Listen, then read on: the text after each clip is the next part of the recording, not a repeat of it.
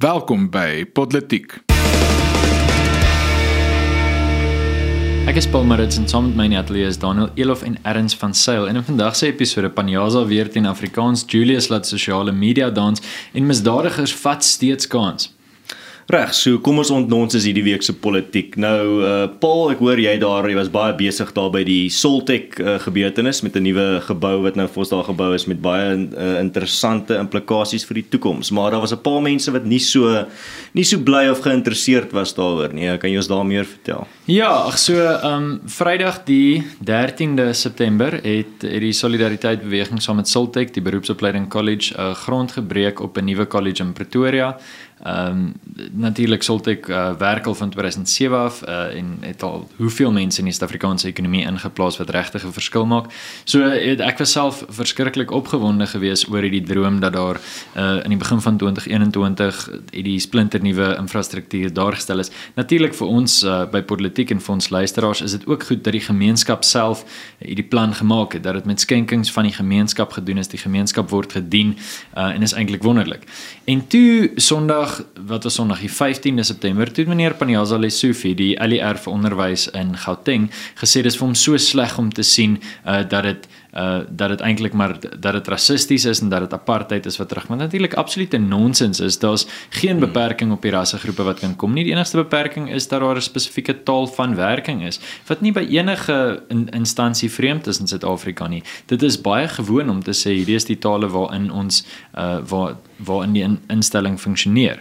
Uh, ek self het op sosiale media met hom beklei, julle het op sosiale media met, met hom beklei. Die punt is maar net dis absoluut van sy kant af belaglik om te sê sy idee van die reënboognasie is dat almal in hierdie een boksie gedruk word. Daai boksie is 'n 'n multikulturele Engels alleenlik instelling. Mm. Uh, en selfs al betaal jy met jou eie geld is dit die enigste manier. Mm. Nou is my vraag aan hom, wat van privaat Duitse skole? Wat mm. van privaat Zulu skole? Wat van enigiets wat jy heeltemal met jou eie geld doen, mm. geen ondersteuning van hom af kry nie? Um, dis absoluut net van sy kant af dink ek eerlikwaar hy gooi maar net aas uit en hy wil maar net sy eie profiel lig en hy weet dat sy volgers hmm. gaan hou van daai tipe optrede. Dit is absolute politieke opportunisme dink ek. Dis hy hy vat hierdie geleentheid en probeer sê ja, dis rassisties wanneer dit op taal gebaseer is. Ehm um, en en dis die eerste logiese probleem wat wat Lesofie in die gesig staar. Die die tweede een is natuurlik dat ehm um, as as mens gaan kyk wat het die ANC gedoen in die afgelope 25 jaar, het hulle maar twee universiteite gebou. Die Solplaatjie Universiteit en die een in Mpumalanga en hier het die Solidariteit beweging alreeds reeds twee universiteite gebou in presies dieselfde tyd en dit word privaat befonds. So dit, dit in die eerste plek ek bedoel, ek dink dis maar ek dink dis juist wat so sleg is en so seermaak filosofie is dat daar oplossings buite die regering besig is om plaas te vind. Hulle hou glad nie daarvan nie want hulle het nie beheer daaroor nie.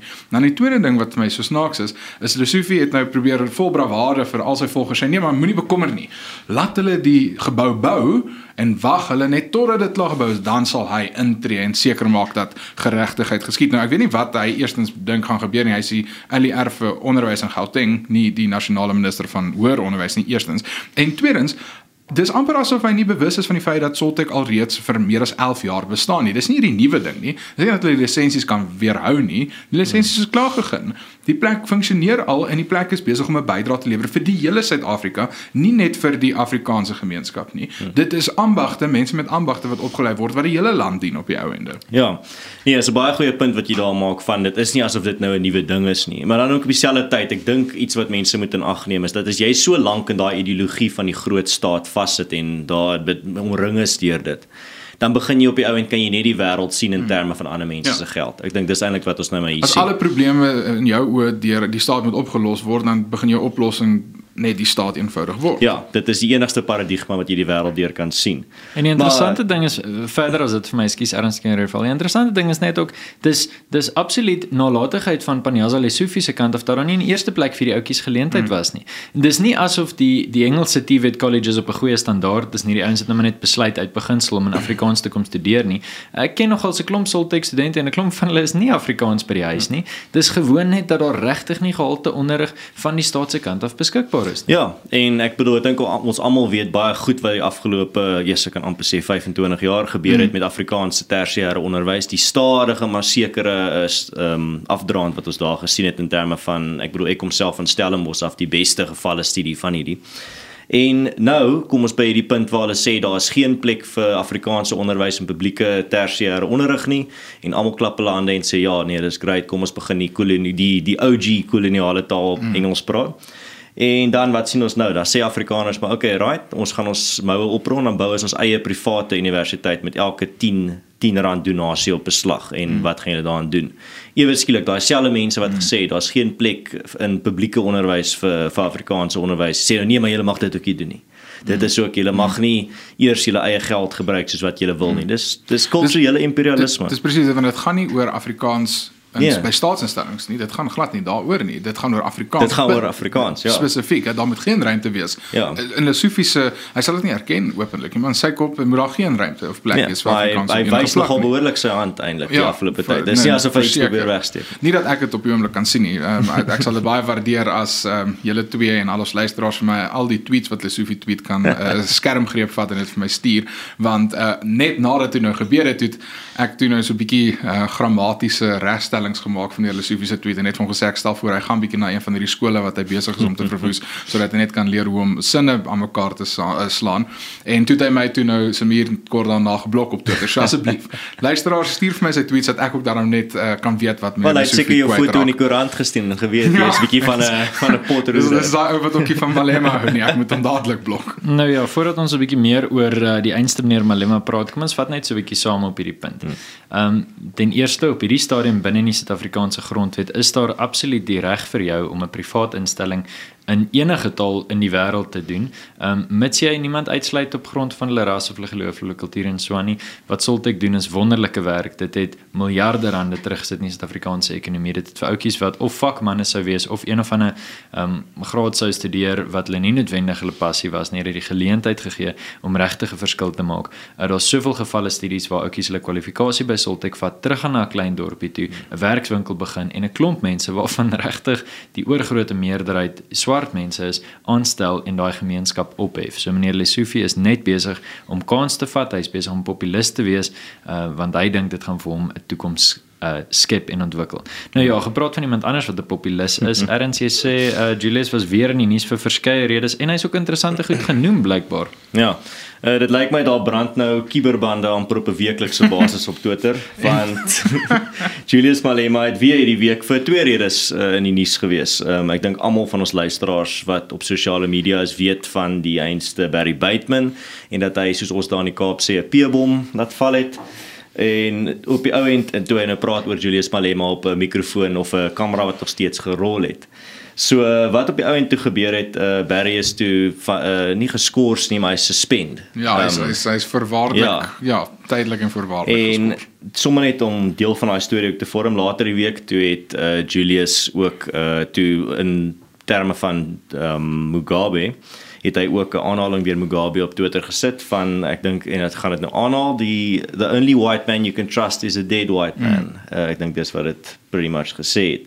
So ek dink daai is die agtergrond wat ons luisteraars nodig het. Wie van julle wil eers inspring daar? Ek wil asseblief net weer in sê dat die die mees onsuksesvolle uh, organisasie in 10 teen 1 in die wêreld, die Suid-Afrikaanse Menseregte Kommissie, het het nog steeds net absoluut niks hieroor te sê gehad nie. Dis dieselfde mense wat gesê het kill the boer behoort binne konteks verstaan te word. Um, maar om 'n uh, vlag uh, te post is is absoluut verkeerd behoort met alles nagevolg te word. So ek dink die die onderrok van die Suid-Afrikaanse Menseregte Kommissie is op hierdie stadium die enigste rok wat hulle aan het. Daar mm. is nie eers meer 'n skyn nie.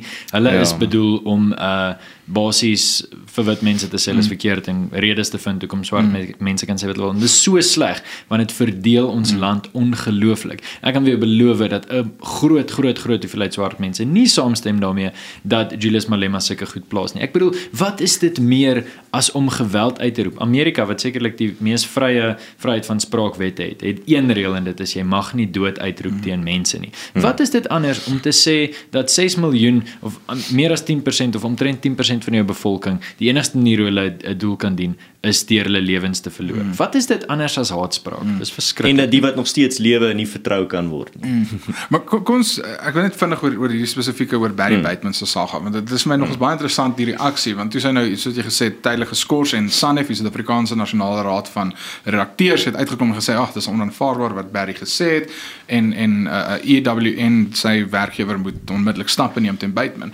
Maar net voordat hierdie nou gebeur het en, en kom ek sê net ek dink is kritaal wat Bateman gebruik het. Kom Ja, natuurlijk. so wat dit is nou wat gebeur het. Maar net voor dit het Malema gesê hy moes regtig behoorlik vir daai sekuriteitsbeampte aangerand het. Hy het dit nie behoorlik genoeg gedoen nie, want daai beampte wou hom keer om Winnie Madikizela Mandela se begrafnis by te woon. Hy moes hom regtig aangerand het. So hy ontken nie dat hy dit gedoen het basies nie. Hy sê hy moes dit behoorlik gedoen het. Maar nee, die media fokus nie daarop nie. Fokus nie op die die die dreigemente van geweld deur Malema nie. Ons fokus op wat die joernalis van uh, eintlik tegnies gesproke van die lig af gesê. So dis die eerste punt. Maar die tweede punt, nou wil ek net sê, die media het aanvanklik sneg gereageer, Sandef het verkeerd gereageer. Ek dink EWN het verkeerd gereageer. Maar dit is nie almal in die media wat verkeerd gereageer het nie. Ons het ongelooflike ondersteuning vir Bateman gesien en ons het gesien onder andere dat uh, die uh, die die program kyk net verslag deur Waldemar Pelser het Waldemar die eerste 5 minute van die die inleiding spandeer om te sê hoe absurd dit is dat ons fokus op 'n joernalis wat 'n wat kritaal gebruik het en nie op die pol po politikus van die derde of die hoof van die derde grootste party in die land se direkte dreigemente van geweld nie. Dat ons hmm. op die verkeerde plek fokus is juis hoekom die EFF so bekend en so groot geword het so wat Ja. dit is. Ons het ons eie monster geskep. Mm. Nee, dis presies wat ek ook uh, kon dit beter self gesê het, Daniel. Die hele punt van dat niemand praat oor wat net 'n paar sekondes gebeur het voordat Barry Bateman gesê het wat hy gesê het, is eintlik die groot kruks mm. van die saak en dat niemand daaroor praat nie is my absoluut skokkend. Mm. Maar soos ek ook op Twitter gesê het van hierdie is die man wat gegrap het oor die feit dat hy nie op die oomblik uh roep vir die vir die die- die slagting van wit mense nie om sy eie woorde te gebruik nie. Dis 100% en toe die toe daar mense daarmee 'n probleem gehad het, toe het, het ons al die ek kan daar's nie eintlik 'n Afrikaanse vertaling vir dit nie, maar white fragility was die mm. woord wat gebruik was. Ag, kyk net hierdie wit mense sensitief is. Nou gaan daar iemand en hulle gebruik 'n laerskool iets wat jy op die, op 'n laerskool speelgrond sou gehoor het waar een Dis wat laerskool het jy na toe gegaan, 'n Ernst? Kaapse laerskool daar nou. en op die ou end wat dan gebeur is Nou, dat jy my hele my hele rand ekskuus. van die van die spore af laat gaan. Maar ja, en nou die eerste nou, nou kry jy so iemand wat 'n wat 'n vloekwoord gebruik voor hierdie voor hulle ehm um, die persoon wat ons nie mag oor sleg praat nie. En ewe skielik is daar groot boa. Ewe skielik is daar besig dat mense vra maar Barry Bateman moet nou regte ernstige uh konsekwensies face vir wat hy gedoen het en ek dit is vir my absoluut absurd. We, weet wat vir my net die vreemde ding hiervan. Ek ek verstaan nie hoekom is nuances so moeilik vir Suid-Afrika nie. Hoekom kan dit nie dalk moontlik wees dat ons sê Sis Barry dat jy dit gesê het nie, maar terselfdertyd ook fokus op wat Malema gesê het nie. Ja. Sekerlik moet dit ook moontlik wees. Dit is nie net of jy moet aan Barry se kant wees of van Malema se kant nie. Nee, dis 'n goeie punt. Nee, versekering. Ek dink ons het in Suid-Afrika die afgelope week 'n paar plekke gesien waar die fokus heeltemal misplaas is. En een van daai stories is die feit dat ons misdaadstatistieke nie hmm. eintlik sulke groot nuus was as wat dit behoort te wees nie. Um, Ja, want dit is nie so betroubaar nie altyd nie, maar Ja. ten spyte die feit dat dit nie so betroubaar is nie, is dit nog steeds skokkend. So ons het hierdie afgelope week, ek dink dit was uh, verlede week donderdag gesien, toe het die nasionale polisie diens hulle nuutste misdaadsyfers vir die jaar April 2018 tot uh, Maart 2019 bekend gestel. En uh, dis interessant, ons ons kan 'n paar goed daai sien dat uh, alhoewel uh, wat da, da, sommige van die misdade is af want wat, hoe basies hierdie misdaadsyfers werk is daar 17 kategorieë dit is kategorieë van misdade wat deur die uh, uh, lede van die publiek aan die polisie gerapporteer word. En dan is daar vier kategorieë wat is wat die polisie self deur hulle aktiwiteite hmm. ontaard, byvoorbeeld wanneer hulle jou op 'n padblokkade stop en hulle jy weet sien jy jy bestuur dronk onder invloed of wat ook al. So goed. Hmm. Dis die dis die kategorieë. Nou van hierdie kategorieë het ons gesien dat moord is op. Uh dit is nou oor 21000 mense 'n jaar wat in Suid-Afrika vermoor word. Uh dit is interessant dat sedert 1994 beteken dit of nie beteken dit nie, is daar al 'n half miljoen Suid-Afrikaners vermoor in hierdie land. 'n half miljoen. Ek wil net hê dit moet vir 'n oomblik insink.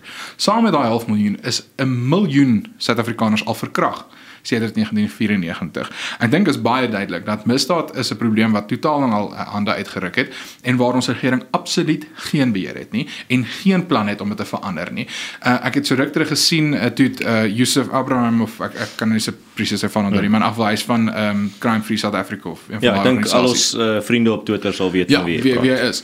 Hy en hy het gesê dat hy het met een van die polisiehoofde gepraat so jaar terug en die polisiehoof het gesê sou ehm um, hy nie sou sou nie misdaadsyfers daar styg dan sal hy bedank en ons wag net om te sien of hy op die ouene gaan bedank want dit het nie ongelukkig gedaal soos wat hy beloof het nie. Ja, en is baie interessant maar ook terselfdertyd tragies as mense gaan kyk waar die waar die misdaad geleë is. En net om vir jou dit te gee van hierdie 21000 was ietsie soos 938 moorde, bendeverwante moorde in die Wes-Kaap. En dit gebeur letterlik as jy Kaapstad lughawe vat, die 4 of 5 woonbuurte so reg rondom. Um natuurlik jou jou gewone culprits Nyanga uh, wat net suid van die lughawe lê van die Langa. Brein woonbuurte net noord van hom. Um daar's ietsie se Bishop Lywes wat verskriklik toegeneem het. Natuurlik is daar ook 'n klomp woonbuurte in KwaZulu-Natal, 'n paar in die Oos-Kaap en 'n paar in Gauteng. Um maar dat die Wes-Kaap absoluut geen beheer het oor sy bendegeweld op hierdie stadium nie. Dat 5% van die totale moorde, bendeverwante moorde in die Wes-Kaap is, is is regtig 'n drastiese punt wat wat ernstig aangespreek moet word. Daniel, ek wil mee saamstem as ek sê ons het een van die grootste regerings, die persentasie gewys gaan kyk hoeveel geld ons uitgee, hoeveel belasting ons betaal en hierdie is 'n probleem wat hulle net nie mm. kan hokslaan nie. Jy moet mens vir jouself vra ten eerste mm. kan hulle en ten tweede wil hulle dit mm. regtig doen? Want dit lyk nie so nie. En en veiligheid is een van daai klassieke voorbeelde van waar ons dubbel belas word met met wat ek daarmee bedoel is ons betaal belasting om 'n polisie dienste en nasionale polisie diens, maar dan het ons ook privaat sekuriteit baie van die mense. Ons bou hoë mure en ons sit veiligheidsheininge op en ons skryf privaat maatskappye om vir ons te kyk. Maar daar's ek dink die statistiek toe ek laas gekyk het is daar's 5 privaat sekuriteits uh uh beamptes vir elke een polisieman in die land. Ek bedoel dit is net absoluut skokkend net wys vir hoe sleg het dit op die ouende geword. Uh, ek wil net vinnig dat ons dalk 'n minuut of twee spandeer aan wat moet gebeur want vir my is dit ek voel dis so groot 'n probleem wat uh, mens weet amper nie eens waar om te begin om dit op te los nie. Ek ek dink een van die goed wat kan gebeur is daar moet ek, ek glo dit moet gefederaliseer word. Ek glo nasionale polisie diens is 'n absurde uh, gedagte veral as jy in ag neem dat die provinsie se behoeftes verskil ongelooflik. KwaZulu-Natal se misdaad is nie dieselfde soos Gauteng se misdaad nie, is nie dieselfde as die Wes-Kaap se misdaad nie. Gauteng het baie transito rooftogte.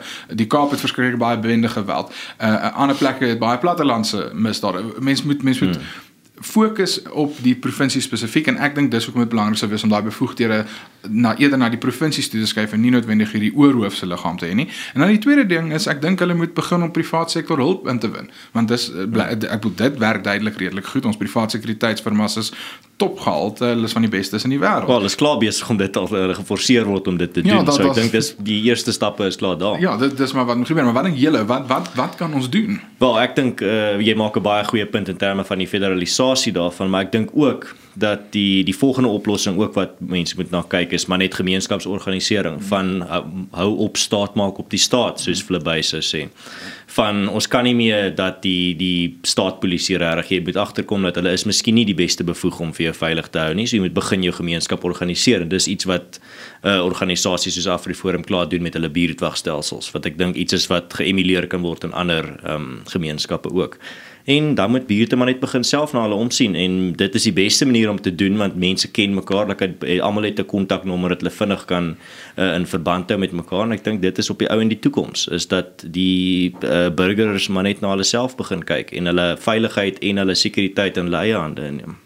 Ja, ek meen ek ek het groot geword in Johannesburg in die Wesrand en een van die goed wat ons was altyd opgetel het is natuurlik is daar georganiseerde misdaad, maar dis baie keer op besighede en soos jy sê transito rooftogte en so vir jou as persoon uh, wat by jou huis is. Die groot ding is dat misdadigers is baie keer opportuniste. Hy het deur die dag verby jou huis geloop en hy het gesien dat ietsie was, jy weet, op 'n of ander manier het deure oopgelos, jy het nie gelet op klein simpel goedjies nie. Deur net eenvoudig klein basiese goedjies te doen, wakker te wees. Ek meen in die, in die aande ehm um, nie noodwendig so heel voor teen die lyn te stop by die rooi lig nie, maar vir jouself 'n bietjie beweegruimte te gee. Wat ek al net jou oë oop te hou, ehm um, nie jou selfoon op 'n plek te sit waar dit sigbaar is nie. Ek weet dis jammer dat mense op hierdie manier moet praat, maar op die einde van die dag jy moet jouself hmm. beskerm. Ek dink 'n vrou behoort nie alleen op op straat te gaan draf enige plek sonder 'n vuurwapen nie. Mm. Uh, ek dink dis 'n ja, debat vir 'n ander dag, ja. Ja, 'n vriendin en 'n vuurwapen, 'n vriendin met 'n vuurwapen. Ehm um, nee ja, ek dink dis natuurlik 'n massiewe uitdaging is ietsie wat definitief aangespreek moet word. Dit bring ons wel by ons internasionale segment en hierdie week ons net vinnig na twee goedjies kyk. Uh daar is uh die die Iranese uh, ondersteunde Houthi rebelle in Jemen.